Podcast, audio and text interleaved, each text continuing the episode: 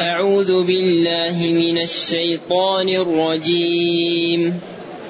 إن عدة الشهور عند الله اثنا عشر شهرا في كتاب الله يوم خلق السماوات والأرض. منها أربعة حرم. ذلك الدين القيم. فلا تظلموا فيهن أنفسكم وقاتلوا المشركين كافة كما يقاتلونكم كافة. واعلموا أن الله مع المتقين.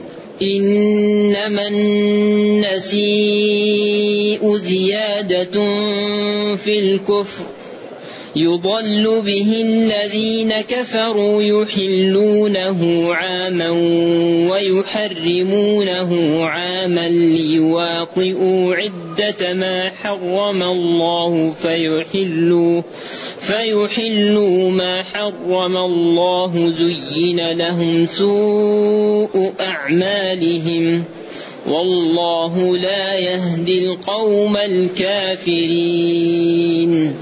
يا أيها الذين آمنوا ما لكم إذا قيل لكم انفروا في سبيل الله اثاقلتم إلى الأرض أرضيتم بالحياة الدنيا من الآخرة. فما متاع الحياة الدنيا في الآخرة إلا قليل. إلا تنفروا يعذبكم عذابا أليما ويستبدل قوما غيركم ولا تضروه شيئا. والله على كل شيء قدير. الحمد لله الذي أنزل إلينا أشمل كتاب وأرسل إلينا أفضل الرسل وجعلنا خير أمة أخرجت للناس. فله الحمد وله الشكر على هذه النعم العظيمة والآلاء الجسيمة. والصلاة والسلام على خير خلق الله وعلى آله وأصحابه ومن اهتدى بهداه. ما بعد فإن الله تعالى يبين في هذه الآيات كيف أوجد الزمن. إن عدة الشهور عند الله اثنا عشر شهرا في كتاب الله. وقبل أن نبدأ في هذا أريد أن نشير إلى أهمية قد يعني زكاة الدين وأن للعلماء في ثلاثة أقوال. قول للعلماء أنه الدين لا يزكى وقول للعلماء أن كل الدين يزكى وقول للعلماء فيه تفصيل. الدين المال الذي يكون خفي كالذهب والفضة يمنع الدين زكاته والمال الظاهر كالأنعام والزروع لا يمنع الدين زكاته. إذا قول بالزكاة على كل حال وقول بعدم الزكاة على كل حال وقول بالتفصيل. نعم. وهذه الأمور مهمة للمسلم أن يعلم ما لا يجب عليه في ماله حتى يخرجه وما لا يجب عليه حتى يحفظ ماله. وأيضا الأمر الثاني قلنا أن الحلي الأولى فيه أن يزكى. الحلي المستعمل المتخذ للاستعمال. أن الأحوط زكاته. والذي لا يزكيه لا يلام لكن الأحوط الزكاة. يقول إن عدة الشهور إن حرف توكيد عدة عدد. الشهور جمع شهر والشهر هو الذي إذا أراه الناس أشهروه الهلال طلع. لأن هذه الأشهر فيها منافع للمسلمين كثيرة جدا. عند الله أي في حكمه وفي شرعه اثنا عشر شهرا. اثناء واثنتا تعرب. أما من أحد عشر إلى تسعة عشر هذا مركب مبني على فتح الجزئين. لكن اثنتا واثنتي آه يعني واثنا واثني ألحقت بالتثنية. إذا إن عدد وعدة الشهور عند الله أي في شرعه وفي حكمه اثنا عشر شهرا. اثناء تطابق. في كتاب الله أي في شرعه وفي حكمه يوم خلق السماوات والأرض. وهذا فيه أحكام. الحكم الأول أن المسلمين ينبغي أن يعدوا بالشهور. وهذا فيه فوائد. وفيه انضباط. لأن الشهور إذا رؤي الهلال انتهى الشهر. وإذا رؤي الهلال البعد رؤي الشهر والشهر تسع وعشرون وثلاثون.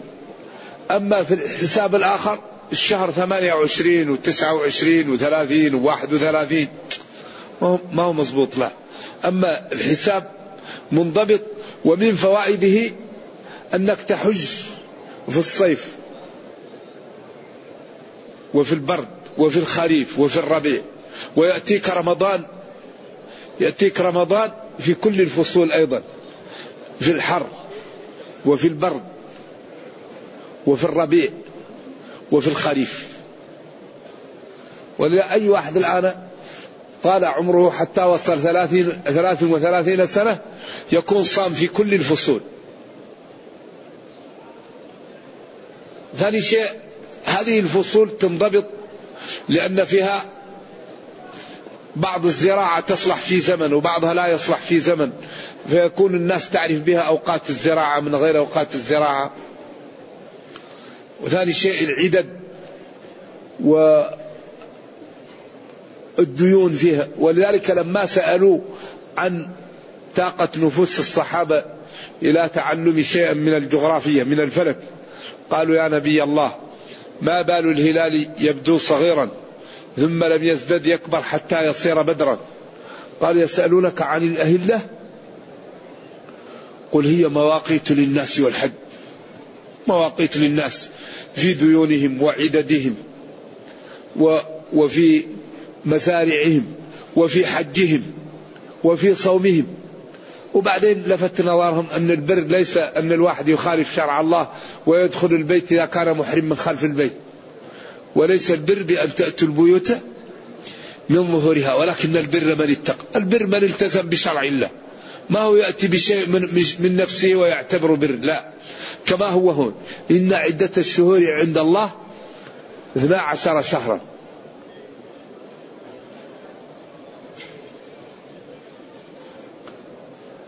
في كتاب الله أي في اللوح المحفوظ. يوم خلق السماوات والأرض منها أربعة حرم. ذلك الدين القيم ذلك الدين الصحيح. قال العلماء فلا تظلموا فيهن أنفسكم الذي يظهر أن المقصود بها الأشهر الحرم الأربعة. لأنك تقول من ثلاثة إلى عشرة فيهن. و ومن عشرة فما فوقها تقول فيها. تقول عشرون خلت. تقول خلت أو فيها تأتي بالضمير الواحد. وفيما هو قليل تأتي بضمير الإناث. إذا قال فلا تظلموا فيهن أي في الأربعة على أصح الأقوال. ويجوز أن يكون المقصود كلها لكن هذا أكثر. قال إن عدة الشهور عند الله 12 في كتاب الله يوم خلق السماوات والأرض منها. ما قال منهن؟ لأنها زادت على العشرة. ثم لما أراد الأربعة قال فلا تظلموا فيهن. هذا أغلبي لكن ما هو, ما هو ضربة لازم. والعلماء اختلفوا. هل حرمة الأشهر الحرم باقية أو منسوخة؟ جلة من العلماء قالوا منسوخة. وقلنا إن المحققين قالوا إن حرمة الأشهر الحرم باقية. بدليل أن النبي صلى الله عليه وسلم في حجة الوداع أخبر بحرمتها ولم يعش بعدها إلا إحدى وثمانين ليلة. أي يوم هذا؟ أي شهر هذا؟ أي بلد هذا؟ حتى ظننا أنه سيسميه بغيره. قال أليس يوم النحر؟ قال أليس الشهر الحرام؟ أليست البلدة؟ أي مكة؟ ثم قال إن دماءكم وأعراضكم وفي رواية أبشاركم حرام عليكم. كحرمة يومكم هذا في شهركم هذا في بلدكم هذا. إذا آه، الأشهر الحرم حرمتها باقية فالذنب فيها أكثر ولا ينبغي أن يبدأ الكفار بالقتال فيها إلا إذا قاتلونا وينبغي أن الإنسان يتجنب المعاصي لأن المعاصي فيها أكثر إثما مثل مثل الحرم. المعصية في كل محل محرمة لكن إذا كانت المعصية في حرم أو في شهر حرام أو الإنسان محرم هذا يكون الذنب أثقل.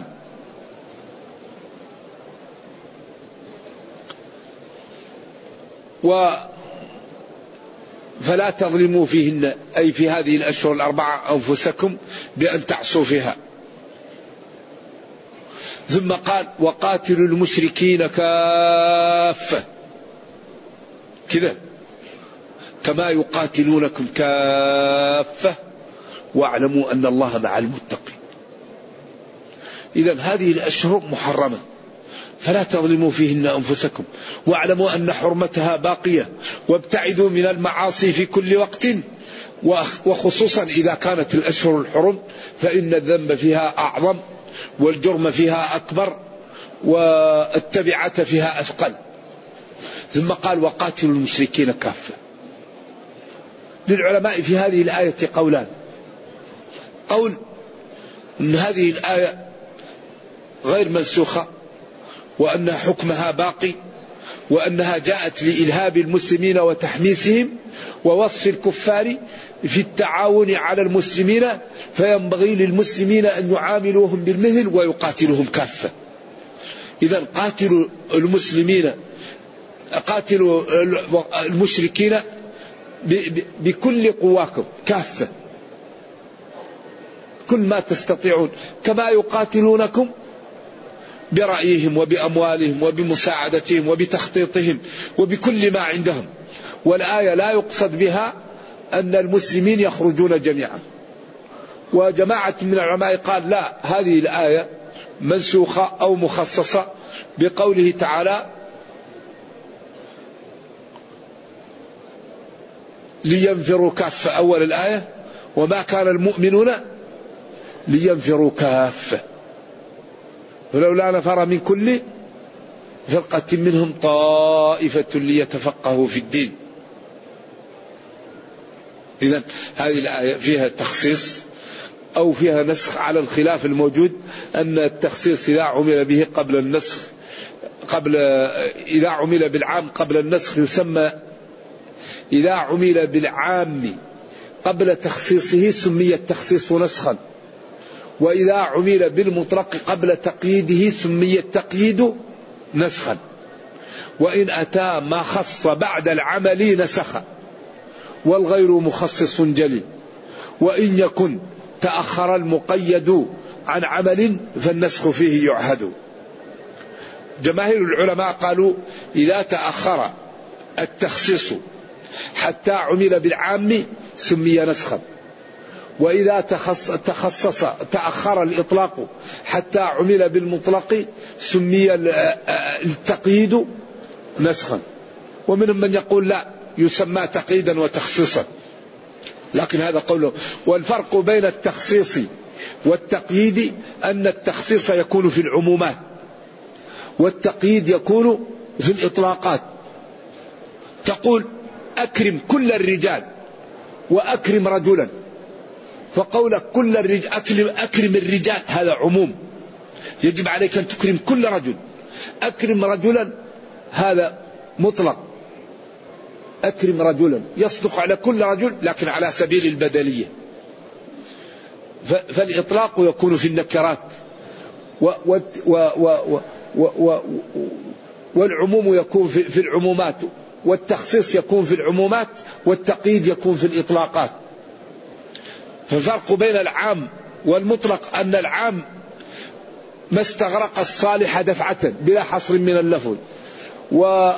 والمطلق يستغرق الصالح له على سبيل البدلية لكن واحد. تقول اكرم رجلا. فكل رجل يطلق عليه لكن واحد. يأمركم أن تذبحوا بقرة. كانت أي بقرة تكفي. لكنهم شددوا فشدد الله عليهم. قالوا ما لونها؟ ما صفاتها؟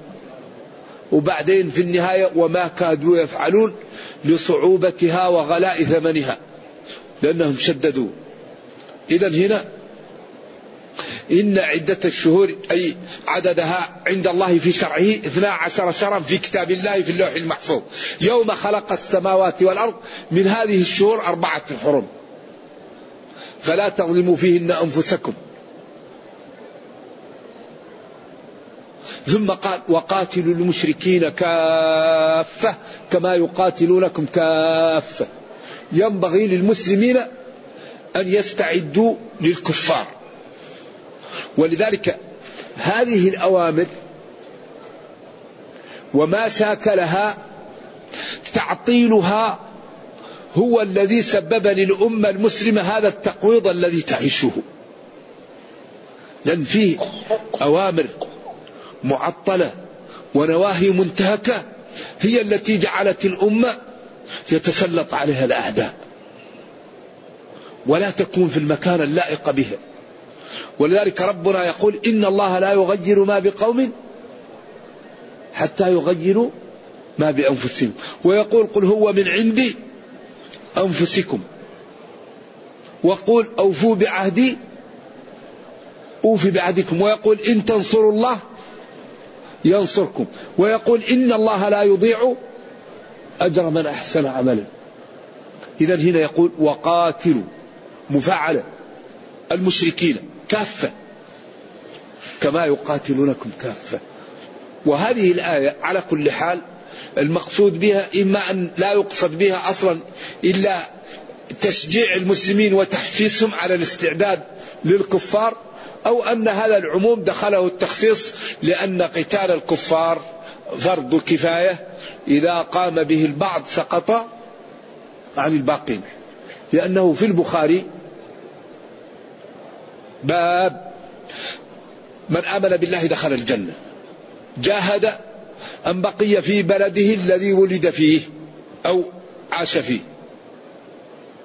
من آمن بالله دخل الجنة جاهد أن بقي في البلد الذي ولد فيه. قال أفلا نبشر الناس؟ أفلا نبشر الناس إن هذا الجهاد ما هو لازم؟ قال إن في الجنة مئة درجة أعدها الله للمجاهدين. إن في الجنة مئة درجة والحديث في صحيح البخاري في كتاب الجهاد. إن في الجنة مئة درجة أعد الله للمجاهدين. قال وهل يعدد الجهاد شيء؟ قال لا إلا أن تولى صائما لا تفطر وتبيت قائما لا تنام. قال ومن يطيق هذا؟ قال لا يعدل الجهاد إلا هذا. من اغبرت قدماه في سبيل الله حرم الله عليه النار. حين لغدوة أو روحة في سبيل الله خير من الدنيا وما فيها. لكن في سبيل من؟ سبيل الله. قاتلوا في سبيل الله. ما هو في سبيل الشيطان؟ ما هو في سبيل الشجاعة؟ ما هو في سبيل الثأر؟ لا. في سبيل إعلاء كلمة الله. من قاتل لتكون كلمة الله هي العليا. واعلموا أن الله مع المتقين. وقاتلوا المشركين كافة كما يقاتلونكم كافة. واعلموا أن الله مع المتقين. القتال لا بد له من عدة. قال وأعدوا. قال ولا تنازعوا. قال لا إن القوة الرمي. قال ومن رباط الخيل. هذه موارد القوة. الذي ينبغي أن تهتم بها الأمة. لأن أخطر ما يواجه المسلمون عدم القوة.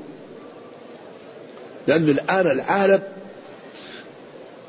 كل أحد ضعيف ما لا يفعلون به يضربونه. القوي يأكل ماذا؟ إذا لا بد للأمة المسلمة أن تكون عندها القوة التي تحمي بها أموالها وأنفسها وأعراضها ودينها. لأن هذه الأربعة مهمة ويجب للإنسان أن يدافع عنها ومن قتل دونها فهو شهيد. المال العرض النفس الدين. لا بد للأمة المسلمة من أن تعد العدة لتحمي أموالها وأنفسها ودينها وش وأعراضها. إذا يقول وقاتلوا المشركين. اتركوهم. والدنيا تعطيك ما تعطيهم ومن الغريب أن الكفار علموا من ظاهر الحياة الدنيا الاهتمام بهذا. فأول ما يهتم به القوة وأول ما يهتم به العقول وأول ما يهتم به النظام وأول ما يهتم به الاتحاد وأول ما يهتم به الإبداع. الآن هم الآن أهم شيء يبذلوا فيه مالا وسائل القوة. والمسلمون في كثير من البلدان نائمون بأي حق الكفار يملكون القوة والمسلمون لا يملكون. والله يقول وقاتلوا ويقول أعدوا ويقول ولا تنازعوا ويقول اثبتوا ويقول كونوا مع الصادقين ويقول وتعاونوا. إذا هذه هي أسباب منابع ما تعيشه الأمة من الضعف. بعدين قال واعلموا أن الله مع المتقين اعلموا أيقنوا. اعتقدوا اعتقادا مطابقا للواقع أن الله تعالى مع المتقين والمتقين جمع متقي الميوتقي والمتقي هو الذي يجعل بينه وبين عذاب الله وقاية بعمل الطاعات واجتناب المعاصي. لما سئل عمر عن عن التقى قال للسائل أمشيت في أرض مشوكة؟ أي كثيرة الشوك؟ قال نعم. قال ما لا تفعل؟ قال لا أضع قدمي إلا حيث يقع بصري. قال ذلك التقى. ذلك هو التقى. لا أضع قدمي إلا حيث يقع بصري. قال هذا التقى. التقى أنك لا تقدم إلا على شيء تعلم أنه حلال. ما هو حلال تبتعد عنه. الحرام تبتعد عنه. المشبوه تتوقف. الحلال بين والحرام وبينهما أمور أيوة. فالتقى تبتعد عن التشابه. قال تعالى تلك حدود الله أي المعالم التي بين الحلال والحرام فالحدود لا تصل إليها. ولكثرة الظلم في البيوت جاءت تلك حدود الله في القرآن سبع مرات وكلها في قضايا البيوت. لأن البيوت يظلم فيها وفي داخلها ما فيها من يرد عنها لأن الذي يظلم أصحاب البيوت. قال تختانون أنفسكم فتاب عليكم وعفى عنكم فالآن باشروهن وابتغوا ما كتب الله لكم وكلوا واشربوا حتى يتبين لكم الخيط الأبيض من الخيط الأسود من الفجر ثم أتموا الصيام إلى الليل ولا تباشروهن وأنتم عاكفون في المساجد. تلك حدود الله. ما ذكرنا لكم معالم حدود الله فلا تعتدها وقال الطلاق مرتان فإمساك بمعروف أو تسريح بإحسان. ولا يحل لكم أن تأخذوا مما أتتموهن شيئا إلا أن يخافا أن لا يقيما حدود الله. فإن خفتم أن لا يقيما حدود الله فلا جناح عليهما فيما افتدت به تلك حدود الله. وقال مثنى وثلاث ورباع فإن خفتم أن لا تعدلوا أو ما ملكت أيمانكم إلى أن قال في نهاية المقطع وصية من الله والله عليم حليم تلك حدود الله. وقال في أيضا هناك في قضية كفارة آه، الظهار. في آخر المقطع تلك حدود الله. وقال في سورة النساء الصغرى سورة الطلاق. في آخر المقطع تلك حدود الله. أما في التوبة قال وأجدروا أن لا يعلموا حدود ما أنزل الله. ما قال حدود الله. حدود ما أنزل الله على رسوله. الأعراب الذين لم يدخلوا في الإسلام. ولذا قال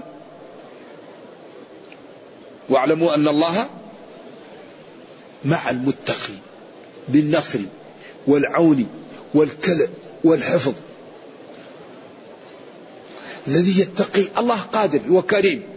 من يستطيع أن يفعل بالمتقي شيئا؟ ولذلك نجتهد في التقى والباقي على الله. فلنعلم ما الواجب علينا ما الحرام علينا ونلتزم بالواجب ونجتنب الحرام وما أردناه يعطينا الله إياه وما خفنا منه ربنا يؤمننا منه. والله قادر ولا يخلف الميعاد. وأخبر أن الذي يتقيه يحميه. وينصره ويجعل له من كل ضيق منفذ ويعطيه النور ويعطيه البصيرة ويدمر من عاداه. فلنجتهد في التقى فلنجتهد في إدخال الإيمان في قلوبنا فلنجتهد في أن ننقذ أنفسنا وأمتنا وديننا بالعمل له بالتقى. ثم قال جل وعلا إنما النسي إنما النسيء سيء قراءة الجمهور. النسي قراءة ورش النافع النسي بدل الهمزة ياء وأضغمها في الياء. إنما النسي قراءة ورش. قارئ أهل المدينة. قارئ نافع. الثاني. زيادة في الكفر. النسي كانوا الله تعالى لما أوجد هذه الجزيرة وهيئها لأمور جعل أهلها يعيشون على على الغارة وعلى وعلى أكل بعض. وأحيانا على بكر أخينا إذا ما لم نجد إلا أخانا. فالله جعل لهم هذا البيت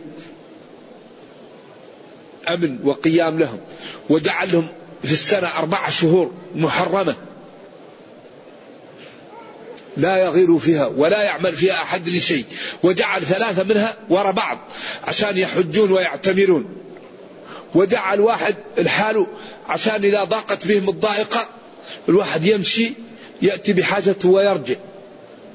فجعل لهم أربعة شهور حرم وهي ذو القعدة وذو الحجة ومحرم.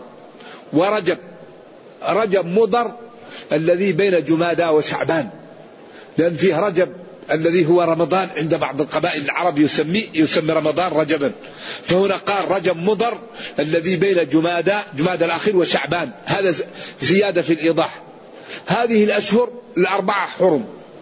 فكانوا إذا اشتدت عليهم السنة وجاء الحد يقولون لواحد كأنه زعيم من من من, من فصيلة منهم خاصة نحن نريدك أن تزع عنا محرم. تؤخر محرم وتقدم سفر. نحر نجعل سفر هو محرم. النسيء هو هو التأخير. إنما النسيء جعل المحرم سفر زيادة في الكفر الذي هم عليه. لأن تشريع الله لا ينبغي أن يغير ويجعل تشريع من أنفسهم إن الحكم إلا لله. وأن أحكم بينهم بما أنزل الله. فلذلك قال إن هذا الأمر زيادة في الكفر ولذلك كانوا يفتخرون بذلك ويقولون ونحن الناسئون على معد شهور الحل نجعلها حراما. ولذلك قال صلى الله عليه وسلم في حجة الوداع إن الزمان قد استدار كهيئته يوم خلق الله السماوات والأرض السنة 12 شهرا منها أربعة حرم ذلك الدين القيم. فهم كانوا يستلفون سنة يحرمون صفر وسنة يحرمون محرم. فالسنة الذي حج فيها أبو بكر كان في غير محله والسنة الذي حج فيها النبي صلى الله عليه وسلم استدار الزمان وكان في محله. ولذلك قولهم أنه كل السنة هذا يأباه قوله يحلونه عاما ويحرمونه عاما. ليواطئوا ليساووا عدة ما حرم الله. الله حرم أربعة شهور نحن نحرم أربعة شهور. لكن نستلف نأخذ هذا ونبدل بهذا وهذا نبدل بهذا وقال إن هذا زيادة في الكفر وفي الظلم. وإنما ينبغي أن يحرم ما حرم الله ويحل ما حل الله ويوجب ما أوجب الله. فالحلال ما حر ما ما ما حل الله والحرام ما حرم الله. ولذلك الله عاب عليهم ما جعلوا من بحيرة وسائبة ما جعل الله من بحيرة ولا سائبة ولا وصيلة ولا حام ولكن الذين كفروا يفترون على الله الكذب. فلذلك التحليل لله والتحريم لله ولا يجوز للعالم أن يضع قوانين وضعية لأن هذا حرام بالإجماع. ومن عمله يرى أن دين الإسلام يرى أن دين الإسلام عاجز. كافر بالإجماع. الذي يترك شرع الله يرى أنه لا يصلح للعمل وأنه قاصر أن يحل مشاكل العالم وأنه لا يستطيع أن يواكب ركب التطور الحضاري هذا كافر بالإجماع. الذي يرى أن شرع الله لا يصلح هذا كفر بالله. أنه عاجز. أما الذي يحكم بالقوانين الوضعية وهو يرى أن شرع الله أصلح وأولى وأعدل ولكنه حكم بالقوانين الوضعية لغرض أو لأمر آخر هذا إن شاء الله يكون كفر دون كفر. يكون معصية وكبيرة ولكن في غاية الخطورة تسرير القوانين ضد شرع الله. الله يقول ألم ترى إلى الذين يزعمون أنهم آمنوا بما أنزل إليك وما أنزل من قبلك يريدون أن يتحاكموا إلى الطاغوت وقد أمروا أن يكفروا به ويريد الشيطان أن يضلهم ضلالا بعيدا. إن الحكم إلا لله وأن يحكم بينهم بما أنزل الله ولا يشرك في حكمه أحدا الحكم لله. فلا ينبغي أن تسن قوانين وضعية ولا شرع غير شرع الله. فالله هو الذي خلق البشر ونظامه هو الذي يصلح البشر وهو الذي يعلم مصالحه فالحل في شرعه والسعادة فيما شرع والضرر والويل والهلاك والعطب في تسنين آه، آه، القوانين التي تخالف شرع الله. هذا واجب على الأمة أن تبينه للعالم بالأسلوب الجميل وبتأليف الكتب الذي تحل مشاكل الناس وأن تأتي بالاقتصاد الذي هو بدل الربا وأن يتحرك المسلمون لإنقاذ البشرية. عجبت من ضعف أهل الحق في حقهم وقوة أهل الباطل في باطلهم. أمانة في المسلمين أن يظهروا للعالم جمال هذا الدين في نظامه وفي اقتصاده وفي تربيته وفي سلوكه وفي اعتداله وفي نزاهته وفي إعطائه للمخالف الحقوق وفي رعايته لحقوق حتى الحيوانات. الإسلام سبق لحقوق الحيوانات. دخلت امرأة النار في بهرة ودخلت امرأة بغي من بني إسرائيل الجنة بسبب كلب سقته. إن الله جعل في كل كبد رطب أجرا.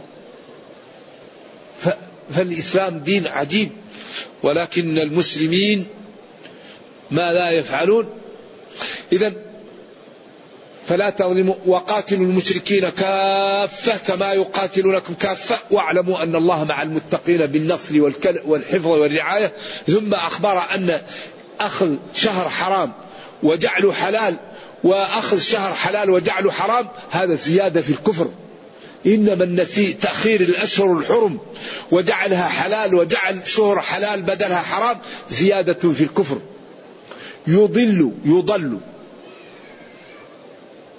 يضل الله به أو يضل الشيطان به أو يضل به الذين كفروا. أو يضل به الذين كفروا من اتبعهم.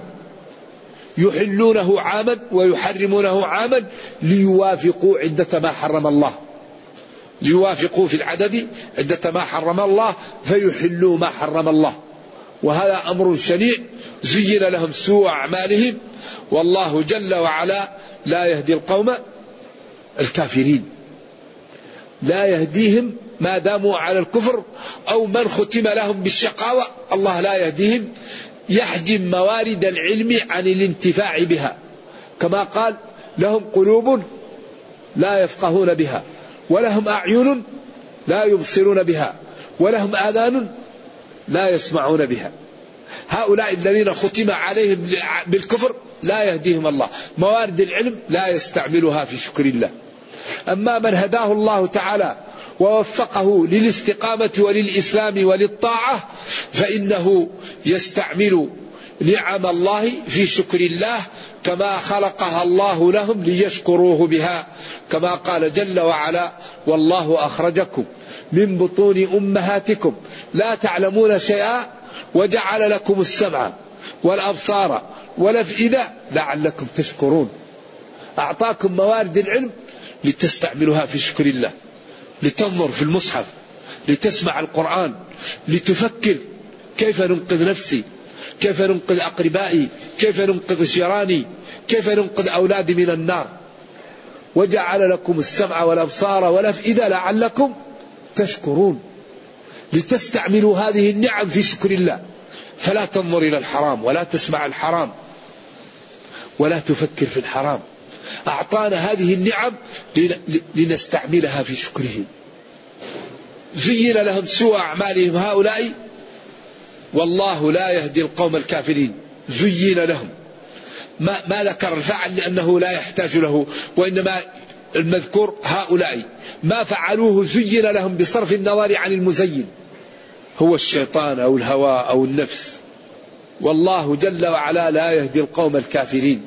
أي لا يوفقهم ولا يجعلهم يتبعون الحق.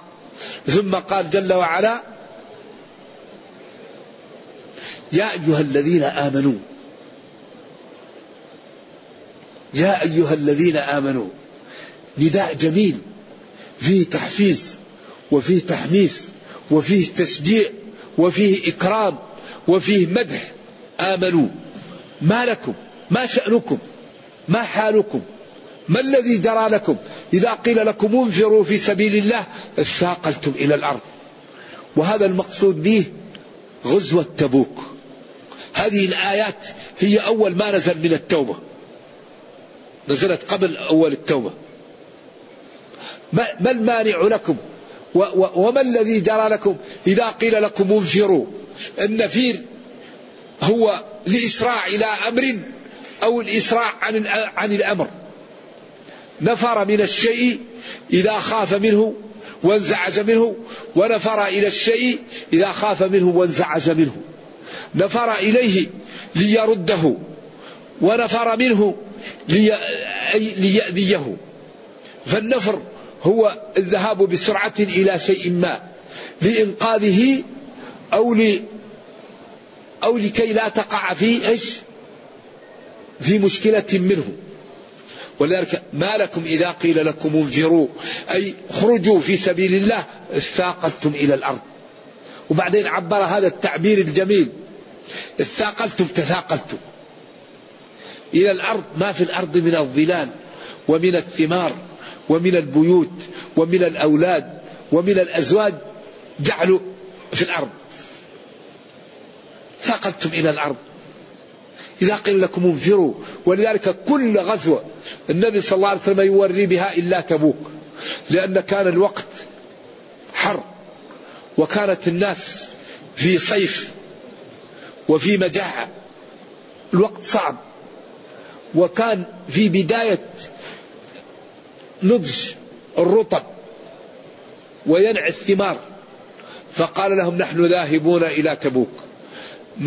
فكل واحد يستعد ويهيئ أمره. لذلك هذا يدخل فيه دخول أولي المنافقون.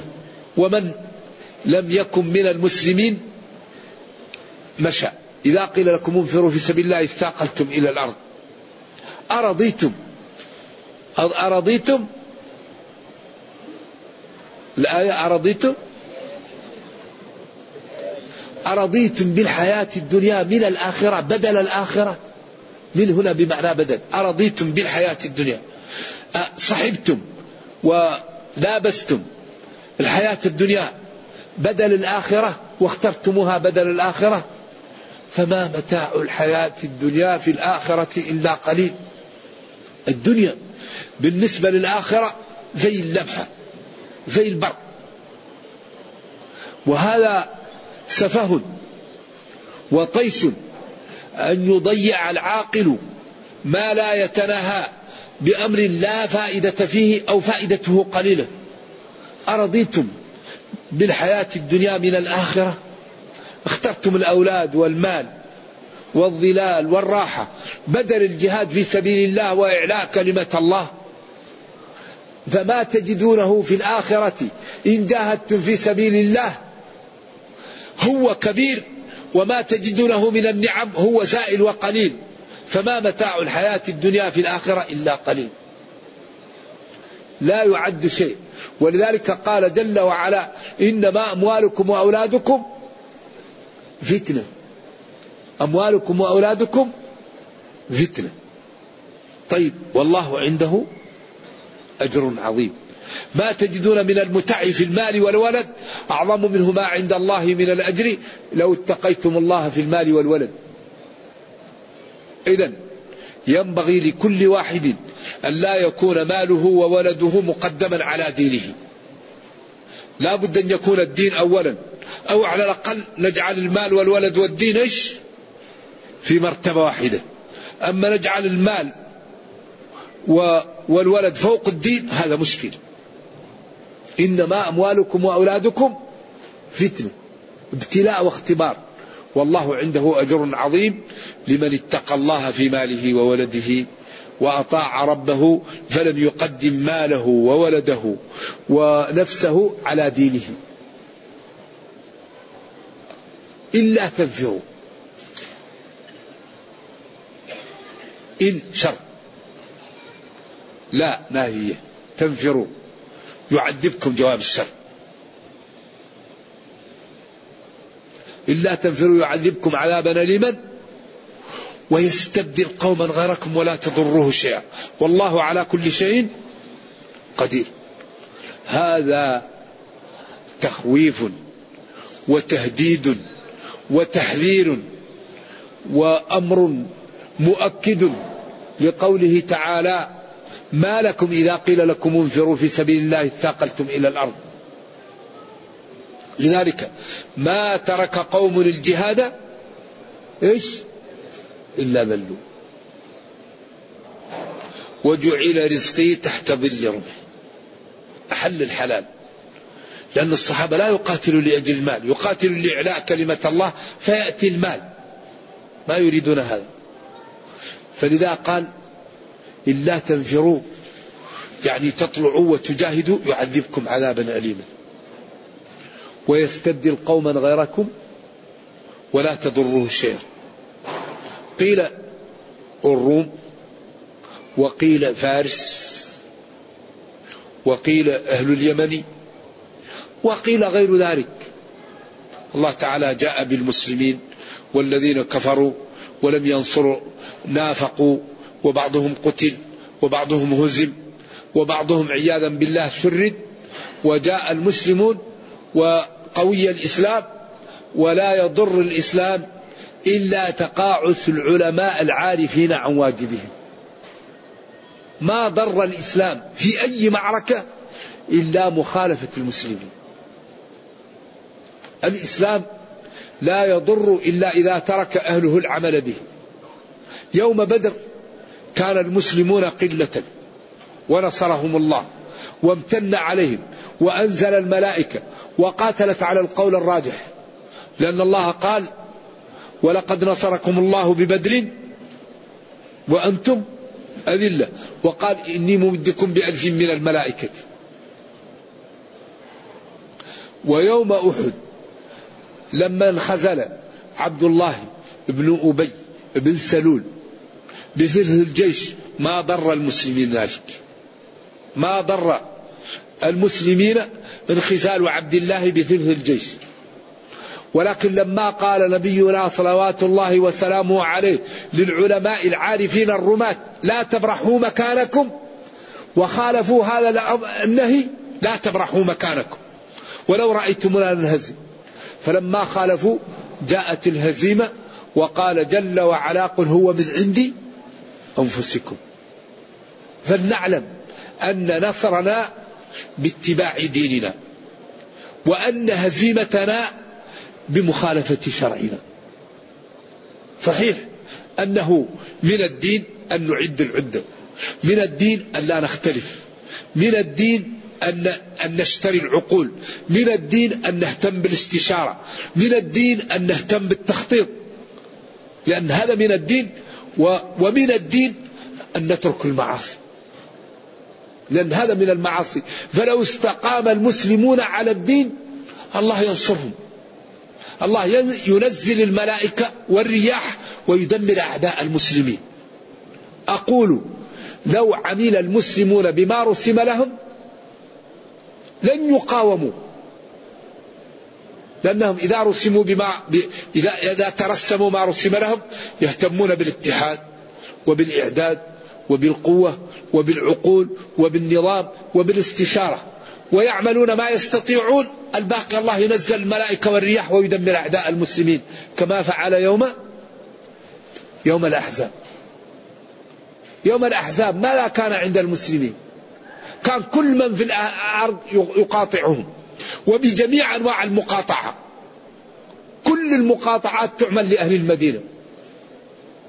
حتى النبي صلى الله عليه وسلم هم بأن يعطي جزء من, من, من ثمار المدينة لغطفان ولهؤلاء القبائل. فقالت له الأنصار يا رسول الله هذا شيء أمرك به الله أو شيء تريد له لنا. قال رأيت العرب رمتكم عن وتر قوس وأردت أن نعطيهم قالوا نحن في, في الكفر لا يأخذوا شيئا منها إلا قرنا وبثمن ونحن أعزنا الله بالإسلام بيننا وبينهم الميدان. فسر بذلك صلوات الله وسلامه عليه. ولما استقام المسلمون وقاموا بهذين الركنين الله يقول إذ جاءوكم إيش؟ من فوقكم ومن أسفل منكم وإذ زاغت الأبصار وبلغت القلوب الحناجر. لشدة الخوف ولكثرة الأعداء. قالوا هذا ما وعدنا الله ورسوله وصدق الله ورسوله وما زادهم إيمانا وتسليما. شوف الإيمان والتسليم. هذا الركن الأول. الركن الثاني الركن الثاني ما هو؟ حفر الخندق. المادي حفروا الخندق والتجأوا إلى الله. الباقي ما هو عليكم. الباقي علي. الباقي على الله. إذا ينبغي أن نشيع بين المسلمين أصول النصر ليأخذوا بها فإذا أخذوا بها حتما ينتصرون. أصول النصر ما هي؟ الإعداد الحسي والمعنوي الإعداد المعنوي الاستقامة على الدين والبعد عن المعاصي. الإعداد الحسي هو أن نعد ما نستطيع ولو عصى. والله ينصرنا. لما قام المسلمون بما يستطيعون وتكالبت عليهم العرب من كل جهة أنزل الله الملائكة. هل الملائكة يمكن يقاومون؟ فبثت في قلوبهم الرعب. وأنزلت الرياح. أنزل الله الرياح فأصبح كل ما وضعوا خيمة نسفتها الرياح كل ما نصبوا قدر نسفته الرياح كل ما عقلوا جمل نسفت الرياح عقالوا وجاءت الرياح وترميهم بالحصباء وخرجوا مهزومين وامتن الله على المسلمين وقال جل وعلا يا أيها الذين آمنوا اذكروا نعمة الله عليكم إذ جاءتكم جنود فأرسلنا عليهم ريحا وجنودا لم ترها. بالله عليكم. من ينصر بالرياح وبالملائكة. أما ينبغي أن تكون العلاقة معه على ما رسم أما ينبغي أن تكون العلاقة معه على ما شرع. إذا مشكلة المسلمين من أنفسهم. قل هو من عندي أنفسكم. إن الله لا يغير ما بقوم حتى يغيروا ما بأنفسهم. أوفوا بعهدي أوفي بعهدكم. إن الله اشترى إن الله اشترى اشترى. ماذا اشترى؟ إذا لا بد أن ندفع المثمن الثمن حتى نأخذ المثمن. أما الواحد يريد الثمن والمثمن هذه مغالطات. واحد يريد الثمن والمثمن يقول له صاحب المتجر إيش بك أنت يا أخي؟ أي واحد الآن يجي المتجر ويأخذ عربية ويمليها من البضاعة ويخرج. ماذا يقول له صاحب المتجر. يقول له ماذا نعم لازم من الثمن. الله يقول إن الله اشترى اشترى. الشراء له ثمن. قال أوفوا بعهدي أوفي بعهدكم. إذا لا بد أن نشيع بيننا أصول النصر. ومن أهم ما ينصر المسلمين الاستقامة. شوفوا المسلم إذا تعلم واستقام لا يقاوم. المسلم إذا فهم الدين وعمل به لا يقاوم. لأن الله يقول ولا ينصرن الله. هود لما نصح لقومه قالوا له يا هود ما جئتنا ببينة. وما نحن بتاركي آلهتنا عن قولك وما نحن لك بمؤمنين. إن نقول إلا اعتراك. بعض آلهتنا بسوء. هنا ظهرت في غريزة الإيمان. الإيمان كامل في في قلبه وفي أحاسيسه صلوات الله وسلامه عليه وعلى نبينا. قال إني أشهد الله. واشهدوا أني بريء مما تشركون من دونه فكيدوني جميعا ثم لا تنظرون. إني توكلت على الله ربي وربكم. ما من دابة إلا هو آخذ بناصيتها. إن ربي على صراط مستقيم. أنتم أمة وأنا فرد. ضروني إن كنتم صادقين. قالوا فكانت معجزته تحديه لأمة وهو فرد. ولذلك ربنا يقول ومن يتوكل على الله فهو حسبه كافي. وتوكل على الحي الذي لا يموت. إذا نحن ينبغي أن نعمل بديننا. أما المغالطة زايد مغالطة تنتج مغالطة. لا بد أن نعمل بالدين. لا بد أن نبذل للدين. لا بد أن نعطي وقتا للدين. أما كل واحد يريد الجنة ويريد عز الدين وهو لم يقدم للدين هذا ما صار. هل رأيتم إنسان له أولاد لم يتزوج؟ إنسان يمكن يأتوه أولاد بدون زوج؟ لو كل يوم يقول اللهم ارزقني أولادا ماذا يقال له؟ تزوج. هل رأيتم عالما لم يجد ذل الطلب؟ ما يمكن يأتي عالم إلا بعد أن يتعب ويسهر. ويفارق الأوطان والأحبة والنوم والفسحة. ويذهب للشيخ ويكون عنده كالعامل كالأجير ثم بعد ذلك ينال عز العلم. هل يمكن أن يكون تقيا؟ كل شخص يمشي العصر ويذهب إلى الأسواق ويحملق في هذه وهذه ويرابي ويأخذ وينجش ويظلم ويغرق في المعاصي. هل يمكن يجد طعم التقى الذي لا يكابد الطاعات؟ لا يمكن أن يجد طعم التقى. إذا هذه الدنيا تعطيك ما تعطيها. الذي يريد التقى يريد الاستقامة لا بد أن يكابد الطاعات يغض البصر يكف اللسان يبتعد عن الحرام يصلي يصوم يبر بوالديه يكرم جيرانه يخاف من الله. بعدين يمتلئ قلبه من التقى. إذا كل شيء له ثمن. فإذا أردنا العزة نأخذ بأسبابها. العزة لها أسباب. والذل له أسباب. والعلم له أسباب. والغنى له أسباب. وكل شيء له أسباب. ولذلك الحر حيث يضع نفسه. حري بكل واحد منا أن يجتهد في أن يكون مسلما متقيا فاهما. فإذا كان مسلما متقيا فاهما الله أعطاه ما يريد ودفع عنه ما يخاف وحماه لأن نبينا صلى الله عليه وسلم يقول من عادى لي وليا فقد آذنته بالحرب.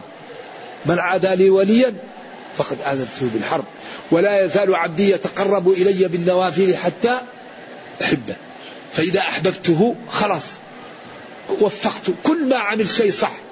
كنت سمعه الذي يسمع به وبصره الذي يبصر به ويده التي يبطش بها.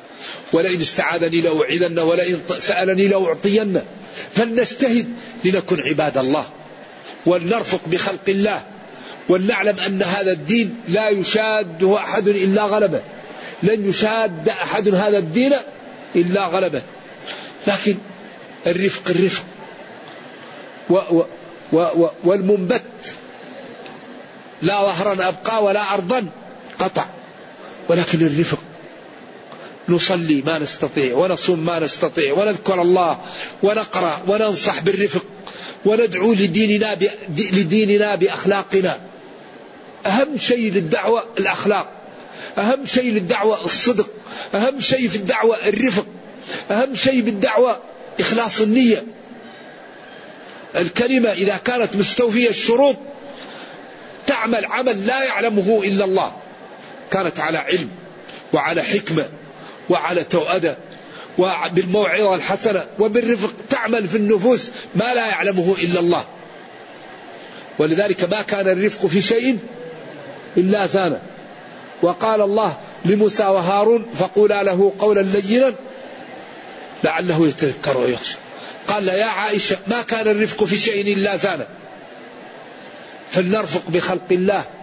وإذا رأينا مبتلا فلنسأل الله العافية ولا نعير من ابتلوا بالبدع والمعاصي والفسوق والفجور. هؤلاء مبتلون.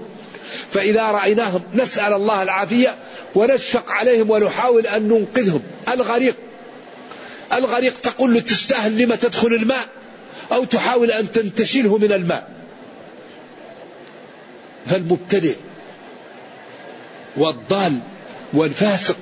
هؤلاء مثل الغرقى نحاول أن ننتشلهم بالكلمة الطيبة وبالإكرام وبالرفق وبإيصال المعلومة الصحيحة البعيدة عن التعالي وعن التقريع والسب والشتم حتى ينقذ الله من انحرف من المسلمين على أيدينا. لأن النبي صلى الله عليه وسلم كان إذا رأى شخصا منحرف ما يقول له يا خبيث يا مجرم يا لعين. يأتيه ويقنعه. الشاب الذي قال له إذن لي في الزنا ماذا قال له؟ قال له أدنو أدنو أقرب. بعدين سألوا عن مكامن النخوة في النفس محلات المؤثرة. أترضاه لأمك؟ قال لا. قال كذلك الناس. ترضاه لأمك ترضاه لأختك. شوف شوف يعني واحد يريد أن يعمل شيء ما هو طيب يتذكر مولياته. على طول إذا كانت عنده نخوة أو عنده مروءة يبتعد. ولذلك يوسف عليه وعلى نبينا الصلاة والسلام كانت فيه النخوة كان فيه الإيمان المروءة. لما غلقت المرأة الأبواب وقالت هي تلك ماذا قال لها؟ معاذ الله. معاذ الله. هذه المروءة. هذه هذا الإيمان هذه النخوة في قلوب الناس. فلذلك الناس لو تتربى على المروءة والنخوة والإيمان خلاص ترتفع عن السفاس في الأمور وعن المعاصي وتريد طاعة الله فيبقى المجتمع مليء بالخير ومليء بالقوة ولا يمكن أن يقاوم لأننا نحن المسلمين ننهزم بالمعاصي. أكبر هزيمة للمسلمين المخالفة. قل هو من عندي أنفسكم. إذا كل واحد منا يعتني بثلاث أمور. هذه الأمور الثلاثة مهمة جدا جدا جدا. أول شيء يبني حياته على العلم. يتكلم بعلم ويسكت بعلم ويقبل بعلم ويرفض بعلم. هذه النقطة الأولى. النقطة الثانية نلبس الدين. الدين ما هو كلام. الدين ربقة في عنق المسلم. الدين وهذه الحياة وراها جنة ونار وراها عزة ورفعة وراها إيباق وراها كرامة وراها فريق في الجنة وفريق في السعير وراها التغابن. يوم يجمعكم ليوم الجمع ذلك يوم التغابن. قل إن الخاسرين الذين خسروا أنفسهم وأهليهم يوم القيامة على ذلك؟ هو الخسران المبين. لهم من فوقهم غلل من النار. وقال فبشر عبادي الذين يستمعون القول فيتبعون أحسنه. أولئك الذين هداهم الله وأولئك هم أولو الألباب. والغريب أن السياق هذه الآيات مع بعض. إذا النقطة الثانية العمل بالعلم. النقطة الثالثة الاعتناء بالبرامج. نعتني بالبرامج. برنامج يومي أسبوعي شهري سنوي. كيف نحفظ القرآن؟ كيف نحفظ المتون؟ كيف نكون ثروة من المال حلال؟ كيف ننفق على الأيتام؟ كيف ننفق على الرميلات؟ كيف نبر بوالدي كيف نكرم جيراني؟ كيف لا نجعل في الحي مريض إلا عالجته؟ كيف لا نجعل من نعرف من الأصدقاء والأقرباء متقاطعين إلا أصلحت بينهم؟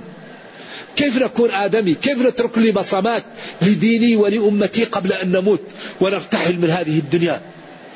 بهذه النقاط الثلاثة نعز الأمة ونعز أنفسنا وإذا متنا كنا كالغائب قدم على أهله. أولا العلم ثم العمل ثم البرامج. نرجو الله جل وعلا أن يريني وإياكم الحق حقا. ويرزقنا اتباعه وأن يرينا الباطل باطلا ويرزقنا اجتنابه وأن لا يجعل الأمر ملتبسا علينا فنضل. اللهم ربنا أتنا في الدنيا حسنة وفي الآخرة حسنة وقنا عذاب النار. اللهم أصلح لنا ديننا الذي هو عصمة أمرنا وأصلح لنا دنيانا التي فيها معاشنا وأصلح لنا آخرتنا التي إليها معادنا. واجعل الحياة زيادة لنا في كل خير والموت راحة لنا من كل شر. اللهم اغفر لنا ذنوبنا كلها دقها وجلها أولها وآخرها علانيتها وسرها. اللهم اشف مرضانا ومرضى المسلمين. اللهم اشف مرضانا ومرضى المسلمين. اللهم نفس كروبنا وكروب المسلمين. اللهم إنا نسألك أن تحفظ هذا البلد المملكة العربية السعودية للإسلام والمسلمين. وأن تحفظ جميع بلاد المسلمين عامة يا رب. اللهم وحد صفوف المسلمين وقوي شوكتهم ورد عنهم كيد أعدائهم. اللهم إنا نسألك أن ترحم ضعفنا وأن تتجاوز عن سيئاتنا. إنك خير مسؤول والقادر على ذلك. وصلى الله وسلم وبارك على نبينا محمد وعلى آله وصحبه. والسلام عليكم ورحمة الله وبركاته. ما إعراب الشح في قوله تعالى وأحضرت الأنفس الشح. هذا تعبير رائع؟ أحضرت الأنفس. هل هي منصوبة بنزع الخافض؟ إلى الشح؟ أحضرت الأنفس إلى الشح. أو أحضرت الأنفس. أو منصوب على الذم. أو مفعول ثاني لأحضرت. منصوب على الذم منصوب بنزع الخافض مفعول ثاني لأحضرت الله أعلم. الإعرابات ما هي ضربة لازم. ولذا هذا ومن يوق شح نفسه فأولئك هم المفلحون. وأي داء أدواء من البخل؟ الأنفس الشح ملازم لها. ومن يوق شح نفسه فأولئك هم المفلحون. لذلك لا يوجد شيء أضر من الشح. ولذلك الأنفس الشح ملازم لها. إذا لم الإنسان يدرب نفسه لا يمكن أن يتركه الشح. نرجو الله السلامة والعافية. ولذلك إن الإنسان خلق هلوعا. ما هو هلوع إذا مسه الشر؟ جزوع وإذا مسه الخير؟ هذا هو الهلوع. إن الإنسان لا يطاع أن رآه استغنى. إنسان ضعيف.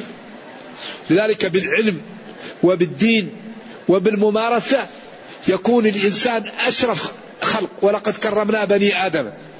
لكن بشرط أن إيش؟ أن يستقيموا. لقد خلقنا الإنسان في أحسن تقويم. لكن الذي ينحدر ويترك الدين رددناه أسفل سافلين. إلا الذين آمنوا. رجل أخذ عربونا ولم تتم المبايعة هل يحل له أخذ العربون؟ بأي, بأي حق يأخذه؟ بأي حق يأخذ مال أخيه؟ ولم يتم البيع. وإنما العربون يؤخذ مثل مثل الرهن وهو من الثمن. فإذا لم تتم البيع ترد للرجل حقه. هذا الذي يظهر. هل إسقاط الدين عن الفقير والعفو عنه جزء من الزكاة؟ لا. أعطيه أنت المال. وهو إذا أراد أن يقضيك به. أما واحد تسأل فيه تعطيه دين لا لا هذا مال ضايع. أعطيه الزكاة من مالك. لا لا. إذا أردت أنت وهو عليه دين فتعطيه المال. أما إسقاط هذا يمكن ما تحصله أصلا. هذا تريد أن تنمي به مالك. كمن يعطي الزكاة لابنه أو لأبيه أو لزوجه. كيف يكون الخطاب للمؤمنين باللفظ وهو يريد المنافقين بقوله اثاقلتم؟ يعني الكف المنافقون هم في الظاهر مسلمون لأنهم قالوا لا إله إلا الله. فالإسلام يتعامل معهم في الظاهر تعامل المسلمين ولكن في الباطن هم في الدرك الأسفل من النار. لأنهم أظهروا الدين فالله يظهر لهم ما أظهروا. ولذلك الحقائق يوم القيامة وعبد الله بن أبي بن سلول لما أراد النبي صلى الله عليه وسلم أن يصلي عليه لببه عمر. قال له كيف تصلي عليه؟ والله قال لك استغفر لهم ولا تستغفر لهم. قال له يا عمر خيرني وأنا أختار أن أستغفر وسأزيد على السبعين. صلوات الله وسلامه عليه أخذ بظاهر اللفظ. بعدين قال له ولا تصلي ولا تصلي على أحد منهم مات أبدا. لفظ صريح ما فيه خلاص قال سأزيد لأنه قال له استغفر لهم أو لا تستغفر لهم أو تأتي للتخيير. إن تستغفر لهم سبعين مرة فلن يغفر الله سأزيد. قال ولا تصلي على أحد منهم مات أبدا. ولذلك الإسلام يستعمل التنزل للخصم. يقول قل لا تسألون عما أجرمنا ولا نسأل عما تعملون. فعمل الصحابة سماها إجرام وكفر الكفار سماها عمل من باب التنزل لهم. وينتزع أماكن الاتفاق مع أهل الكتاب ليدعوهم للدين. وقولوا آمنا بالذي أنزل إلينا وأنزل إليكم وإلهنا وإلهكم واحد ونحن له مسلمون. ما قال يا يهود تعبدون عزيرا ويا نصارى تثلثون؟ فهلموا إلى هذا الدين فادخلوا به قبل أن تدخلوا جهنم. لم يقل لهم هذا. قال وقولوا آمنا بالذي أنزل إلينا وأنزل إليكم وإلهنا وإلهكم واحد ونحن له مسلمون. إذا حتى الآيات التي في الكفار تجر ذيلها على على المسلمين. لأن وكان الإنسان وكان شيء جدلا هذه نازلة في كفار قريش. ولما جاء نبينا صلى الله عليه وسلم لعلي وفاطمة ووجدهما نائمين وقال لهما قوما فصليا. قال له علي رضي الله عنه إن أرواحنا بيد الله. إن شاء أخذها وإن شاء أرسلها. خرج عنه مضبا يضرب فخذه. صلى الله عليه وسلم ويقول وكان الإنسان أكثر شيء جدلا والحديث في كتاب الاعتصام في صحيح البخاري. وهذا يدل على أن العبرة بعموم ألفاظ الشريعة لا بخصوص أسبابها. العبرة بعموم ألفاظ النصوص لا بخصوص أسبابها. فهذه الآية ولو هي في الكفار فهي في كل إنسان جادا نعم. هل ورد حديث إن الغيبة أشد من الزنا؟ أو هذا قول العلماء. الغيبة من الكبائر والزنا من الكبائر. والغيبة شبهها الله في سورة الحجرات بمن يأتي أخاه ميتا بعد أن جاء في, في, الميت الحركة وبدأ يأكل منه. لأن الميتة إذا دخلها الدود وال وجلس يأكل منها. قال أيحب أحدكم أن يأكل لحم أخيه ميتا أو ميتا فكرهتموه. كما كرهتم هذا لا تأكلوا أعراض الناس وما تعدون المفلس فيكم. وقال للرجل أمسك عليك هذا. وقالوا هل يكب الناس في النار على وجوههم أو مناخرهم إلا حصائد ألسنتهم؟ فأكثر ما يوقع الناس في النار الفرج والفم. من يضمن لي ما بين رجليه وما بين فكيه لحييه؟ أضمن له الجنة. فكل من الغيبة والزنا من الكبائر. نرجو الله أن يحمينا. نعم. والذي يتقي الله ويترك أعراض الناس هذا يكون عنده أجر كبير. ولذلك ينبغي أن تكون لنا مؤسسات نسميها مؤسسات الترشيد في الحسنات. كما أننا نرشد في الماء وفي الكهرباء نرشد في الحسنات لا نضيع حسناتنا. يكون لنا مراكز اسمها مراكز ترشيد في الحسنات. كيف الواحد يأخذ حسنات كثيرة بدون تعب؟ كيف الواحد يسلم حسناته لا تضيع عليه؟ هذا ينبغي له ثقافة وينبغي له ترويج. حتى الإنسان يوم القيامة يأتي رصيد كبير ويكون في أعلى العليين. أما الذي يصلي ولا يحافظ والذي يصوم ولا يحافظ ويتصدق ولا يحافظ حسناته تضيع. ما تعدون المفلس فيكم. نرجو الله السلام والعافية. هل قتال اليهود من أجل الأرض أو من أجل الدين؟ وهل يدخلون في الآية لا ينهاكم الله عن الذين لم يقاتلوكم في الدين؟ مشكلة المسلمين الحقيقية عدم القيام بالأسباب. كل شيء بثمن. ولذلك اليهود دفعوا ثمن فأصبحوا أقوياء يمدون شروطهم في المنطقة. والمسلمون لم يدفعوا ثمنا فأصبحوا ضعاف في المنطقة. ولذلك الدنيا يحكمها قانون ما لا. المعاوضة تدفع تربح تنام تخسر. وأكبر دليل واقع المسلمين وواقع اليهود. اليهود تعبت وبذلت ودربت وأصبحت عندها أقوى قوة ضاربة في المنطقة. والمسلمون الله يقول لهم ولا تنازعوا. اختلفوا. قال لهم واعدوا. لم يعدوا. أوامر عطلوها. نواهي انتهكوها. ولذلك جاءت اليهود؟ وحصل ما حصل. إن الله لا يغير ما بقوم حتى يغيروا. ولذلك ولا تجدنهم أحرص الناس على حياة. اليهود أخص خلق الله. الله قال لا يقاتلونكم جميعا إلا في قرى محصنة ومن وراء الجدار. جدر. الجدار الآن هذا تصديق لله تعالى. قال إلا بحبل من الله أو وحبل من الناس. ما يمكن يقوم اليهود بحاله. حبل من الله معاهدة. أو حبل من الناس يجوا ناس يساعدوهم.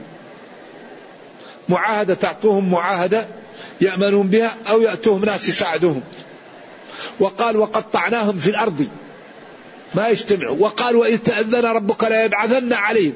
إلى يوم القيامة من يسومهم سوء العذاب. وقال وإن عدتم وإن عدتم للإفساد عدنا عليكم بالتقتيل والتنكيل. ولذلك المشكلة الحقيقية أن المسلمين لا يستقيمون على الدين. فإذا استقاموا على الدين ومنه الإعداد.